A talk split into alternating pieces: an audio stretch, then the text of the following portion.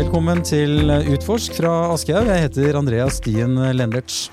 I dag skal vi innom et uh, tema som uh, vi har hatt om før. Det var faktisk uh, ja, episode nummer to av denne podkasten. Og det begynner å nærme seg en stund siden, litt over et år siden. Og gjest, en av gjestene jeg hadde da, det var Sara Eline Eide, som jobber ja, hun har jobbet som spesialpedagog. Hun har skrevet bok, to i tallet. Og hun har etter hvert blitt det jeg vil si en slags spesialist en, på, rett og slett på det som handler om skolefravær. Hjertelig velkommen, Sara Aline Eide. Tusen takk. Og ja, det har jo skjedd ting siden du var i studio sist. Veldig hyggelig å ha deg tilbake igjen, forresten. Ja, veldig hyggelig å være her igjen. Jeg ja. elsker å snakke om dette temaet. Ja. og det gjør jeg gjerne en gang til. Ja, Herlig. For jeg husker jo da når vi snakka sammen sist, så nevnte du at du skulle komme med en bok, mm. og det har du gjort, som heter skolefravær. Mm. Og jeg føler jo nå, som jeg prøvde vel å si innledningsvis, at du Det, det, det er um, det er jo mye som skjer, og det, du har vært uh, litt sånn overalt, føler jeg. Jeg føler jeg ser navnet ditt uh, både her og der. Så bra. Ja, det er fordi det er et tema som engasjerer meg, og jeg føler at uh, barn og unge fortjener um, Altså det er flere stemmer enn meg i dette feltet, men um, det er dette jeg har spesialisert meg på å jobbe med og veileder, og da kommer jeg veldig tett på saker og ungdom. Mm. Og kjenner jo til hva, hva, er det de strever med, hva slags følelser har de når de ikke mestrer skolen, hvordan kan vi nå dem, mange voksne gir dem opp, hvordan føles det å være et barn, en ungdom på åtte, ni, ti, elleve, tolv år som voksne på en måte har gitt opp, øh, og ikke finner veien inn. Så det, det, er mange som er der hjemme som da syns livet er meningsløst uh, i den aldersgruppen, og det syns jeg er veldig trist, og jeg tror vi kan gjøre noe med det. Mm. For du, du, ser jo Altså, du er inne i, inne i mange saker. Du har jo eh, gjennom eh, Ung oppvekst, eh, hvor du, ja, du tilbyr foredrag, veiledning og Altså det med skolefravær, og du velger jo nå å bruke ordet skolefravær. Man kan mm. si ufrivillig skolefravær, og så har vi mm. gått bort fra skolevegring, mm. ikke sant? Ja. Det håper jeg. Ja. Hvorfor, hvorfor heter boka di bare skolefravær og ikke noe mer? Det er fordi at jeg ønsker å favne alle elever som har skolefravær, og da definerer jeg skolefravær også de elevene som er på skolen, men mm. som kan være fraværende i timer. De kan være i gangene, sitte på toalettet, eh, at de unngår enkelte timer. Eller er, jeg tar også med elever som skulker. Jeg vet at en del skiller mellom skulk og uh, annen ufrivillig skolefravær. Men jeg mener at skulk også er en del av det bildet, fordi jeg tror det er ulike personligheter velger ulike strategier for å unngå skolen. Eh, de som skulker, har kanskje en type personlighet hvor de er aktive, søker noe mer meningsfylt enn det skolen kan tilby. Mange som definerer skulk som noe annet, tenker at eh, barn og unge finner noe annet utenfor som er mer spennende, men jeg mm. tror det er motsatt rekkefølge. At det som skjer på skolen virker ikke så motiverende, så da velger de heller å gjøre ting utenfor som er mer spennende, som gir mer mening. Mm. Og så har du de som kanskje har en mer innadvendt uh, måte å forholde seg til det på, som trekker seg unna og til slutt blir hjemme. Og derfor så ønsker jeg jo at man favner Eh, alle elever, også de som mistrives på skolen, selv om de er i alle timer. Eh, så derfor så vil jeg ha et vidt begrep. Mm. Litt oppsiktsvekkende, egentlig, føler jeg. At du liksom, det skulken som vi liksom skulle skille fra dette her, nå, nå setter du det inn i, i samme bås. Men mm. jeg, jeg, kjøper, jeg, kjøper, argumentene dine her. Jeg gjør det, altså. ja. Men hva er ditt inntrykk, da? Hvordan går det ute på skolene nå for tiden? Tror du, Hva er ditt inntrykk, magefølelsen her? Eh, mitt inntrykk er at skolefravær er et økende problem, og at det egentlig ikke går så bra sånn sett. Eh, fordi når man leser i media, ser artikler, hører podkaster, så leser man jo både at eh, rektorer ønsker Altså syns det, er få søkere til rektorstillinger fordi det er så enorm arbeidsmengde og byrde. Det er lærere som ikke lenger ønsker å være lærere fordi det er en enorm arbeidsbyrde. Og elevene, mange elever, uh, mistrives eller mister motivasjon, så tenker jeg når alle de tre gruppene som utgjør en skolen, og, og, det er mistrivsel i alle leddene, så tenker jeg da må vi begynne å tenke helt annerledes om skole. Mm. Og kanskje finne en annen måte å drive skole på enn det vi gjør i dag. Og det er jo kanskje vanlig når man, når man driver noe og noe ikke fungerer, så er det ok, hva er det som ikke fungerer, hva kan gjøres annerledes? Men det er som om i stedet for å tenke hvordan man kan endre strukturene, så fyller man bare på med nye tjenester som skal løse problemet, men man går ikke til kjernen av hva, hva som kanskje må endres. Og nå syns jeg at du er innpå egentlig noe av det jeg syns er mest interessant i dag, da, og som noe også kunnskapsminister Tonje Brenna har vært innom hvordan skolen er rigga. Vi brukte ordet rigga. Mm. Og jeg hørte også si det i en podkast her, det med hvordan skolen er rigga. Jeg syns det er et godt ord, fordi det handler om skolen som eh, fundament, skolen som system. Hva er det som liksom ligger til grunn her? Mm. Så det er jo der vi kanskje må begynne i større grad å se. Men Mm. hvem har makten til det? Det er jo ikke lærerne og ikke rektorene sånn egentlig som har makten til å endre systemet. Da må vi opp på, opp på politisk nivå. Ja, og det er en veldig interessant problemstilling. fordi jeg opplever når skolefravær diskuteres, så diskuteres det på mange nivåer samtidig. og Så blir det en del forvirring rundt, eh, og kanskje beskyldningen Er det ikke lærerens feil, er det foreldrenes feil, er politikernes feil, og vi mangler ressurser. ikke sant? Det blir så mange elementer inn i debatten, og så blander man de ulike debattene, føler jeg. Så jeg pleier å dele debatten, eller eh, problematikken i tre. Da. Det ene er det politiske nivået. Der hvor, hvor politikerne må vedta lovverk og gi systemer og gi rammeverk til skole, så de kan ivareta sitt oppdrag. Og så har du på en måte ledelsen på hver enkelt skole, som må ha en, eh, altså må være en god ledelse som vet hvilke verdier de styrer etter, og lage et godt fellesskap og god skolekultur. Og så har du den enkelte lærer i klasserommet, som også må drive eh, god klasseledelse, god eh, klassekultur. Og jeg tror man, man kan jobbe på alle nivå samtidig, men man må vite hvilket nivå man jobber på, så man ikke blander de forskjellige, øh, forskjellige nivåene, for da blir det bare ansvarsfraskrivelse fra alle. Mm. Da er det ingen som tar ansvaret. Så jeg tenker at læreren kan gjøre mye i klasserommet med klassestruktur, klassemiljø, øh, skape fellesskap. Uh, og ledelsen kan gjøre mye innenfor den organiseringen som finnes, mener jeg. Eh, Og samtidig må man jobbe på et politisk nivå hvor man kanskje går inn og endrer skolen som system, og da må man tenke hva ønsker man egentlig med skolen. Og nå føler jeg at oppdraget skolen har, har er på en måte to motsetningsfylte oppdrag, og det, det syns jeg må belyses mer. Mm. Ja, det er jo øh, veldig interessant, da. Altså det, men øh, samtidig som vi kan jo ikke da Altså vi får jo ikke endra systemet i morgen. Mm, det gjør vi Det ikke. gjør vi ikke. Så, vi, så da er jeg jo selvfølgelig helt enig at vi må jo gjøre det vi kan øh, Mm. akkurat nå. Øh, og da tenker jeg øh, hva, hva, hva kjennetegner egentlig nå et godt samarbeid mellom skole og hjem i, i disse sakene? Det som kjennetegner et godt samarbeid, er en eh, åpenhet og nysgjerrighet. Og da mener jeg skolen har et spesielt ansvar, for det er en veldig skjev maktfordeling. Eh, Jeg ser at uh, ofte blir foreldrene kanskje behandlet som om eh, de har like mye makt, eller sant, er på samme nivå da, som det ansatte i skolen er. De skal jo behandles med, med likeverdighet og respekt, men jeg tror man glemmer litt at idet foreldre trer inn på skolen, så er de underordnet en, en autoritet, en institusjon, som de egentlig har lite påvirkningskraft på. Um, og særlig da foreldre til barn med fravær er en ekstremt sårbar situasjon. Og det å ta høyde for det, uh, og tenk deg å sitte én forelder kanskje i et møte med ti fagpersoner som skal diskutere barnet ditt som et problem. Og kanskje du også får skylden for nei, du må presse mer, og du må gjøre mer. Så jeg tenker hvis man kan møtes og kanskje være færre i disse møtene, ha én koordinator som har ansvaret, som foreldrene kan henvende seg til, øh, sånn at man kan være mye tettere på enn det man gjør i dag. Fordi i skolefraværssaker må du være veldig tett på, og du må jobbe bevisst eh, rettet mot eleven og mot foreldrene.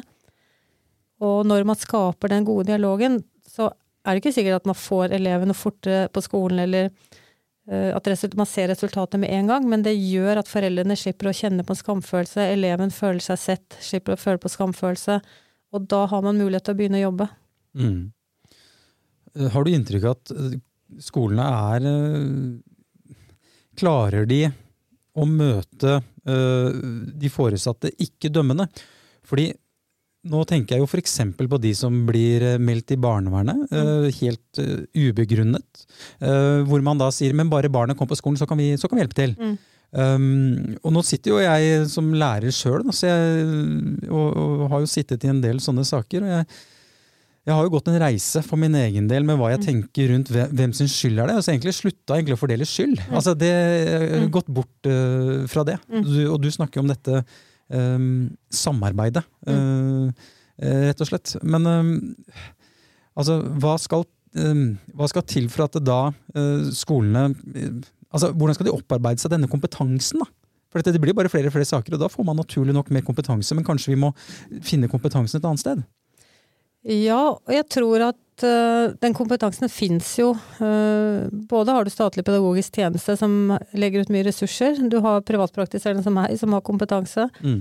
Uh, og det finnes litteratur på det, det finnes forskning på det. Utdanningsdirektoratet har mye, mye på f.eks. relasjonskompetanse. Så jeg føler kompetansen finnes, men så sier mange som jobber i skolen vi har ikke tid til det. Mm. Men, og det blir jo gjerne sånn når man kommer i en negativ spiral, vi har ikke tid, vi har ikke ressurser. Uh, og så blir det et mantra som man hører på og, og tror på, fordi det oppleves som virkeligheten.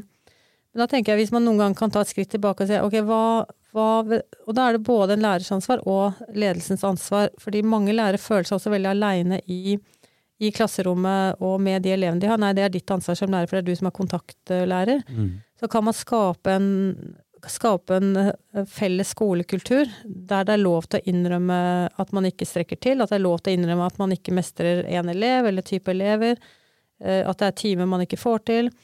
Eh, sånn at det er rom for å reflektere over egen praksis, og der tror jeg skolen kunne satt av mer tid til det, og at da at det ikke hadde tatt ekstra ressurser, men det hadde kanskje hentet inn ressurser fra et annet sted. Fordi når man hele tiden er på etterskudd, så vil man jo aldri ha nok ressurser.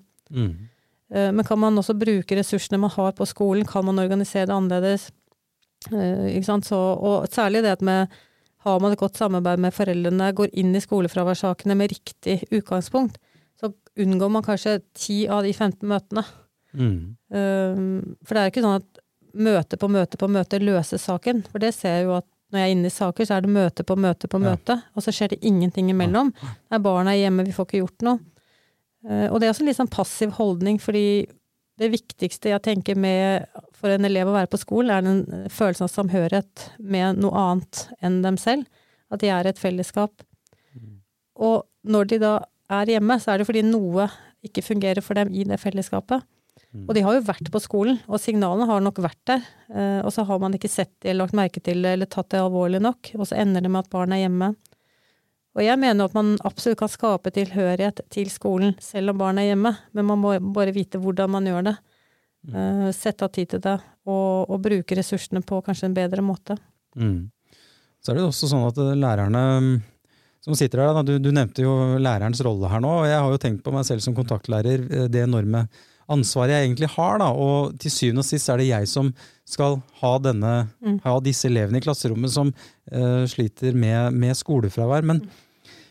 altså jeg, jeg, treffer jo fra tid til annen uh, folk. Uh, er, jeg syns det er stadig flere som jeg treffer på som har enten barn med skolefravær og sånn. Og så klarer ikke de å sette ord på hva det er som er mm. galt. Mm. Altså, fordi Hvis man bare fant det ut, mm. og Foreldrene, som du også har nevnt før, har en kjempeviktig stemme og mye kunnskap. Mm. Men hva når den kunnskapen ikke er der? Man veit faktisk ikke hvorfor barnet ikke vil på skolen. Nei. Og det er, kjempe, det er, jo kjempevanskelig for alle, selvfølgelig. Det er det. Og, og ofte kommer jeg, foreldre ringer meg ofte når, når, ingen på en måte finner årsaken, eller ja, barnet klarer ikke å si hva det er, og vi vet ikke hvorfor, og vi har spurt. Nei, fordi jeg opplever at barn og unge som ikke er på skolen, ikke mestrer det skolen forventer, eller mestrer den institusjonen skole, så ligger det en enorm skamfølelse. Og det pleier jeg å snakke ganske mye om, for den skamfølelsen gjør at eh, man når ikke inn. fordi uansett hvilke tiltak du da setter inn, så ligger det en sånn nederlagsfølelse hos eleven. Så hvis de da hvis de da tenker ok, hvis jeg prøver dette tiltaket, hva hvis jeg ikke lykkes? De tenker jo ikke dette bevisst, men det ligger som en sånn psykologisk eh, mekanisme. Mm. At når du har opplevd stadig vekk å ikke mestre noe, så kommer det tiltak som andre foreslår, som kan være gode tiltak, men det er så stor risiko for eleven å gå inn på de tiltakene, for hvis det ikke lykkes, mm. og de tiltakene man setter i gang ikke lykkes, så blir det enda større nederlag, og da, da detter de enda lenger ned inn i et sånt sort hull inni seg selv. Så det jeg pleier å si, er at først må man ta bort den skamfølelsen både til foreldrene og til barnet, mm. og si at uh, det er ikke ditt ansvar at du ikke får til å være på skolen, det er vi voksne som ikke har sett det, visst hva vi skal ha gjort, uh, men nå er vi villige til å uh, gå inn og se hva er det du trenger. Og da må man ha såpass mye kunnskap om hvilke mekanismer som fører barn ut av skolen. Og når man vet det, så kan man formidle det til barna, og så spør man hva Spørre helt, være veldig konkret, sånn at de bare kan svare ja og nei. Slipper å tenke, slipper å reflektere. Eh, og ut ifra de svarene man da får, så kan man tolke uh, hva det er som Hvor på en måte skoen trykker. Men det er jo et eh, Det må litt klokskap til. Det må en uh, evne til å gå inn i en samtale med bare nysgjerrighet og aksept. Fordi de barna og unge som er hjemme fra skolen etter mange års nederlag, de lukter hvis du prøver eh, å kreve at de skal på skolen. Mm. Så det jeg tenker, når skolefraværssaker har blitt så alvorlige at barn er hjemme og ligger under dyna og syns livet er meningsløst, for det er det en del av, så må man, tenker jeg, bare jobbe for hvordan kan vi styrke dette barnets følelse av verdi, og styrke barnets selvfølelse. Og da er det egentlig underordnet om de leverer inn den norskstilen, får tatt den matteprøven, eh, får gjort den hjemmeoppgaven. Da må man bare fokusere på hva kan, hvordan kan vi hente dette barn og ungdom opp igjen, sånn at de opplever at det er meningsfylt eh, å stå opp om morgenen.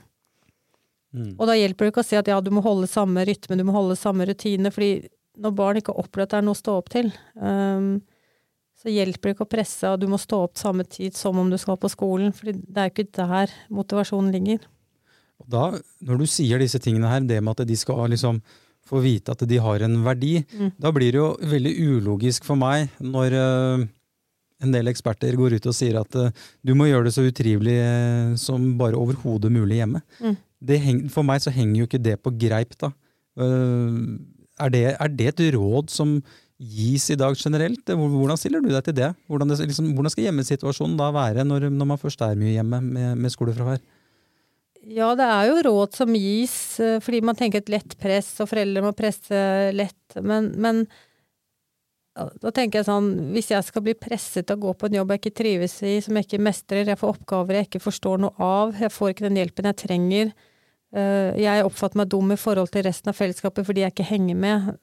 Det hjelper jo ikke da at jeg ikke har det trivelig hjemme, så, det jeg råder foreldrene til er at den første prioriteten til foreldrene er å bevare en god relasjon til Mm. barnet.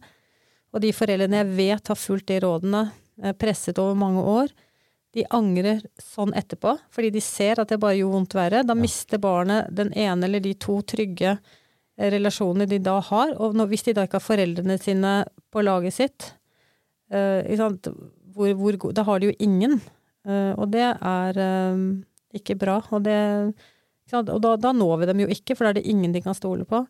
Så jeg vet at mange foreldre har fulgt de rådene tidligere, men nå går tilbake på det fordi de ser at det gjør bare familielivet og relasjonene dårlige. Mm. Og jeg tenker det er relasjon til eget barn skal man ha med seg resten av livet.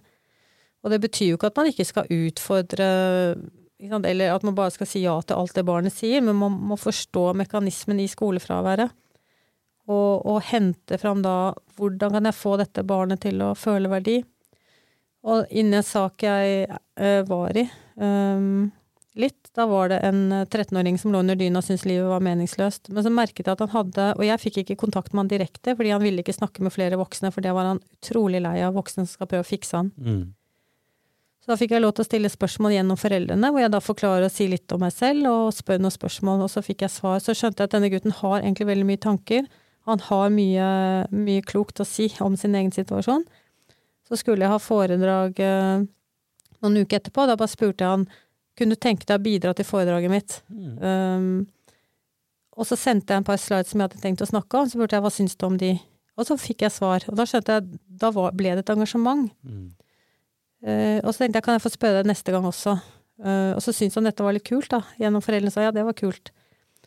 Uh, og så nevnte jeg litt av hva Tonje Brenne hadde sagt om at uh, det er ikke barn som skal tilpasse seg skolen, men Mm. skolen som skal tilpasse seg barna. Det syntes han var ikke sant?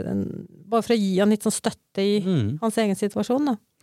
Og så betalte jeg han litt penger for at han bidro, for å vise at det han kom med, hadde verdi for meg, og det hadde en verdi for eh, hva jeg da gikk ut med av foredrag Mm. på en måte, Jeg hadde ikke trengt de rådene, men samtidig så var det sant, eh, førstehåndsinformasjon fra en som faktisk eh, var der i den situasjonen. Og, og for han da bidra, opplevdes jo noe som noen trenger det jeg har å komme med. Mm.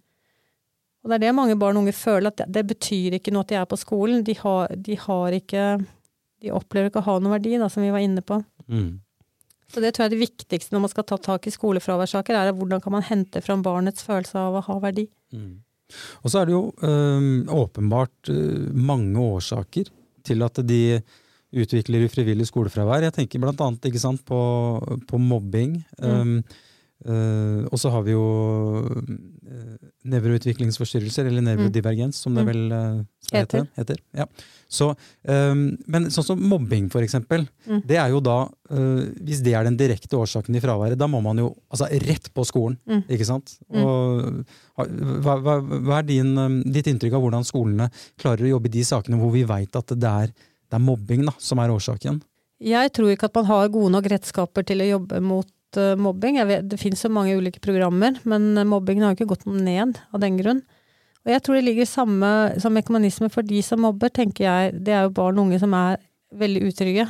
Fordi man har ikke behov for å mobbe eller holde andre utenfor hvis man er trygg og har det bra selv. Mm. Uh, og istedenfor da å straffe eller utestenge eller, eller um, på en måte rakke ned på det og, og så er det noe med å uh, se de som mobber, at de da trenger veiledning. De trenger å bli forstått.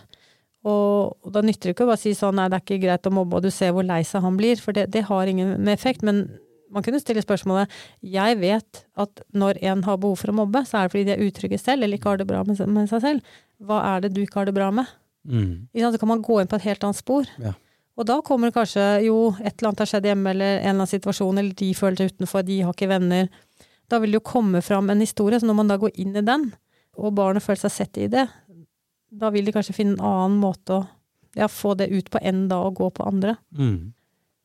Så, så, kan det kanskje læres si at det er ikke vår jobb å være psykologer, men, men, men uh, altså alle som jobber med mennesker, uh, bør ha en, en, viss kunnskap om psykologi, for mennesker er mennesker, og man er hele mm. seg.